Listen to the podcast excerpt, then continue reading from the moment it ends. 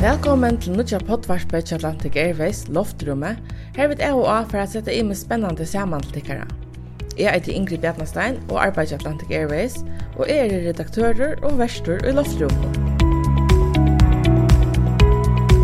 Og i som første pottvarsmån har vi valgt å varspe ljøs og Oslo, som vi flikva til tverfyr om vikene.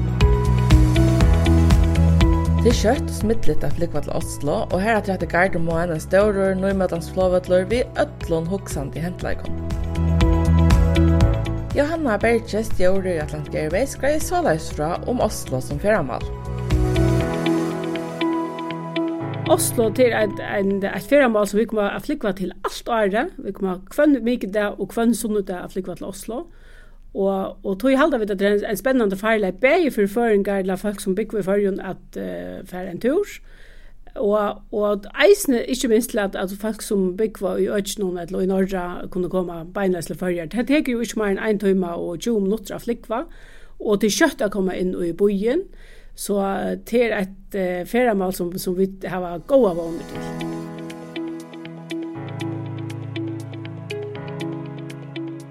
Oslo er en fantastisk spennende bøyer, eh, og tar vi toksa bøyen, da hoksa vi bæge som mølaga til at uh, folk som skulle til arbeid skulle ferast omveis Oslo til, til Oslo. Vi tar nek sjåfolk som arbeider offshore med eisen i Alante. Uh, og så ikke minst det at uh, bojeren er en uh, sera gav mølaga til at halda frytøy, uh, halda sånn frytøy. Det er en bøyer som er spennende av nekvon øtjon, uh, bæg om sommer og om vetren. Eh og ikkje minst om vetren vil eg seia, tog at her er nekk mølleikar, her er nekk gå flotta konserter i Oslo av fara til. Eh til han boje við nekk goa matstovon og ikkje minst at kunna standa sko i Oslo. Ta ber bei til at fara a bygg inn i uiboin og sjåsagt eisen jeg færre ut og bygg var einasen imiske skistøvnån. Men til at det er lagt at uh, seta saman en affær alt etter kva man innskjer, at man klarar faktisk flere ting i sen. Oslo er uh, den største lufthavnen i uh, Norge, og en av de store lufthavnene i, uh, i uh, Skandinavien, og til Seragos samband, uh, kan man si, alle vei bæg ute i heim fra, fra Oslo, ja, men eisne uh, vi er i Norge å komme fra, fra Oslo og rundt faktisk om alt landet.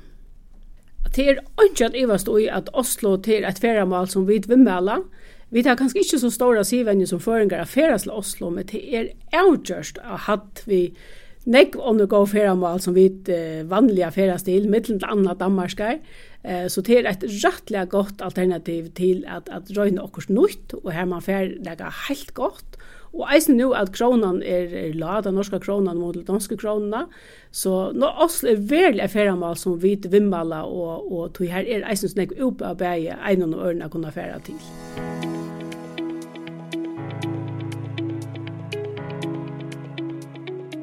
Som vetrarferðamál er Oslo nærum sagt. Her er en ørgrunn av mølagon for vetraraktiviteten som ber til at samantvinna vinna størrbojarfer og så statt til få en finan bojarskoa. Og ein som veit nekk om akkurat Oslo, det er Marion Persson. Hon er i fyrjon, men er bosittande i norska høvestannen, og her arbeider hon som verskatlanarleiere til Visit ha Oslo. Musik av vill känna Oslo som en sånn liten storby, ofta ser jag i skuggan av Stockholm och Köpenhamn.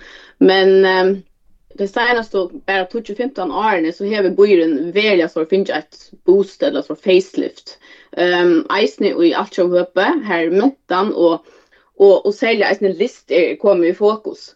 Ehm um, och så kommer vi åt honom att i Oslo är naturen en en inngrekven, for jeg jag faktiskt naturlig parter. Här byrån är så är väl inpackad vi i skoe och så kör han det check vi innan så i Oslofjärden. Och om vetren så är det så han det eh Oslo kavaklatter och ta är det eh inte ovanligt att söka folk eh, faktiskt och i metrarna vi vi skojon och alla stannar här två gånger tror jag det, det är en så naturlig parster och tutningar med till parster av norsk och kan man säga identiteten. Mm ta i normen tosa skoj eh, så är det ofta inte bara eh, alpint som nekve föringar ofta färre och att det är till og och alpenar och Italia och allt det där. Men i stora mån handlar det om eh, om längre än skoj. Eh, det som eh, och en skoj kallas för cross, cross country eh, skoj. Bara hvis vi tar i Oslo eh, först och främst så är det bara att det som jag säger Johanna, att det tar simpelt en metrona ofta bara en halvan timme eh nian och i att nu tas som heter Holmenkollen som är detta skojhoppcentret. Eh till är ju omringa av preppa och kan man kalla roton. Eh bara i Oslo så är det en 2000 km av sån roton eller gatan och gjort där till längre än eh, skoj och tar er omlai 95 eh eh, av hesson kilometron uppluster. Så det är rättliga lattla störst öker runt om i Oslo som här tusen sars folk enka av, av längre än.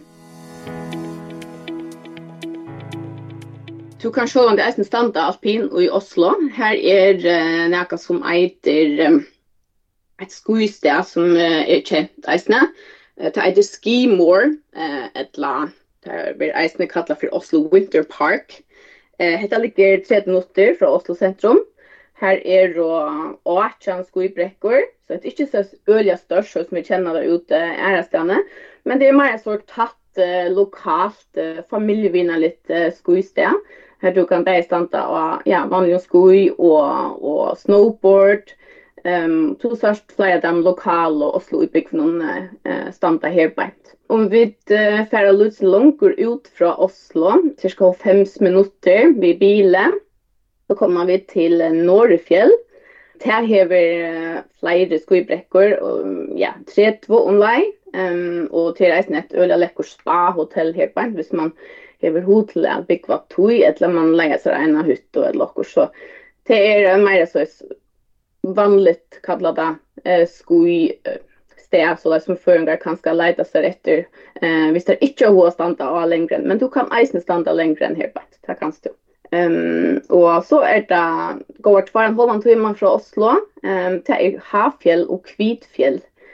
Det är uh, faktiskt uh, fyrvärande OL anlägg eh från 1945 tar vetrar uh, Leitner var i i Oslo eller ut ut i områden här på. Ehm um, det heter anlägget ständer än och är flytta bruka. Ehm Eh, Hafjell ta hever 103 skøybrekker og Kvitfjell ta hever så 36. Så hette lukka som te, jeg vil si at te tru støyne, Norrfjell, Hafjell og Kvitfjell som tar flest og eh, Oslo utbyggver, og, og te som koma og flikva inn til Oslo via Gardermoen, at te, hvis det ikke tømmer køyra så øyla lengt, så er hette te, te nærmast støyne og te mest kjente og populære.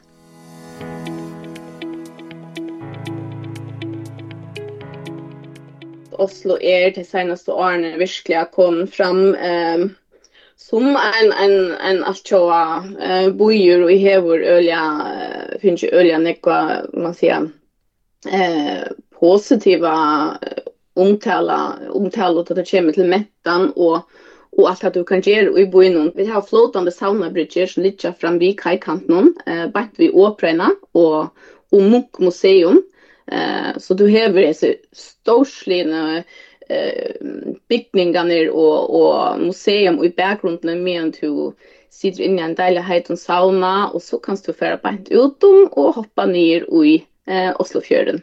Og nøkker som sauna bridgen er og eisene utstyrt der vi, vi um, ja, det er faktisk elektrisk, eh, elektrisk motor der, så det er kunne eh på en öla bord det kan hot eh, cykla du ut till Oslofjärden och så kan du ja dippa sin långre ut i fjorden.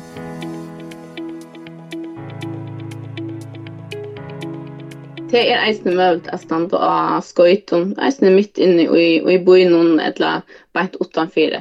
Det är lukka som eisne preppa um, til dømes mitt av Karl Johan som er ja, du kan kalla det fullt kjenner strøyet og kjøpmann han, så er Karl Johan som han stora gonggodan i Oslo.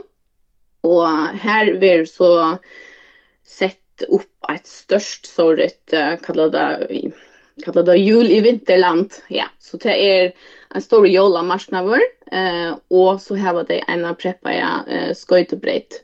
Her du kan ja, teka din egna skøyter vi og, og skøyter outshapes, etla du leia skøyter.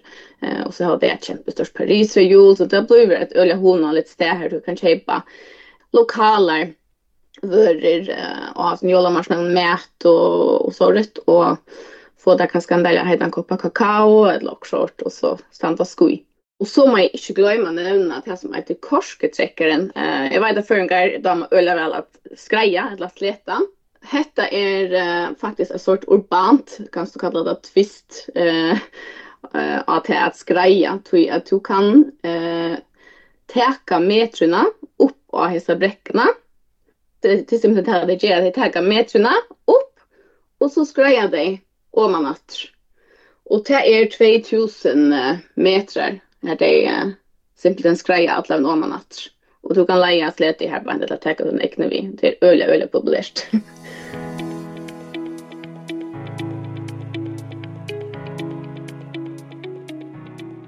Så lest blir vel til å sette en affær sammen, når som du bare kan gjøre vetrar utrått, og eisene gjøre det alt det, og ætlen det må nekva tilbå noen som er i byen, noen beid at det kjenner til mentan, og mæt, og så videre. Men Erst du ein som kunne hugsa der affæri av eina ekta skuifer. Altså eina skuifer her som da fyrst og fremst snur seg om a standa skui fra måttene til myrskurs. Så ber te eisne sjolvande vel til om du flyr beinleis til Oslo.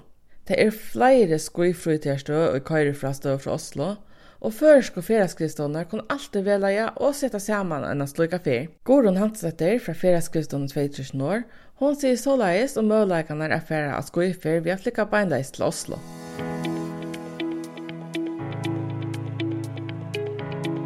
Det som vi brukar, det er mest, altså vi har brukt Hemsedalen i kvar, og så er et nytt skuista som vi faktisk byrja selja fjør som er ui Geilo, Och så är sjön det vass men det är lika mer till vis man alltså fyr brukt vi till vi flodbergen. Och men det som vi brukar nog mest till Hemsedal och Jailo. De är Bæði Jailo og Hemsedal er ordla batnar vinnarli, og så har de eisne sværa banar til de som er ordla rundt. Og hutter og uiboer, altså det er sin tevre, sin rabavund, at det kommer til gistinga møllaga eisne nu var vi fyrst, altså, vi var jo i Geil, og her var det en ordentlig lydelig fytte bojer, og virkar ølja trygt, og hona litt av er her, og det her var supermarked og handlar og test og bruk for det. Og det er ikke lukka som tukkas blua Det er øyla lydelig bojer, og så er det lukka som um, fjøtlene rundan om her på her, og det er øyla vel kipa vi her som tog borst i forhold til hver du atler standa skoj, och ta man ska ha såna skojor och liftkost och allt det som ska leja från dem så är det öliga nämnt och det är eisne lukka som det är för att få fätra och hur du ska allt vad ska man säga det som det som tar emot dig och gör goda vägledning hur du ska färra efter du framvis så det är att köra bench för alltså i tog för men men så eisen jeg til vi at du, det er øyelig godt at du feres til Oslo og skal standa skoj, at du faktisk har en bil, at du leier en bil, og det er øyelig omagalest eisen at du gjørs til, at det er øyelig godt etter til at du kører litt av skojsteget, og så har man faktisk bruk for bilen noen kvann det, til å kjøpe inn, og det er ofte gjør man i hytten og uppen som har egna køk, og, og så er det godt at man kan fra handels og kjøpe det som man vil heva det som særlig er populært i Norra er, altså det hever øyla gåar skoj um, møvlegar og gå skoj stø, så du nøydes ikke endelig affæra til Alpenæra standa skoj.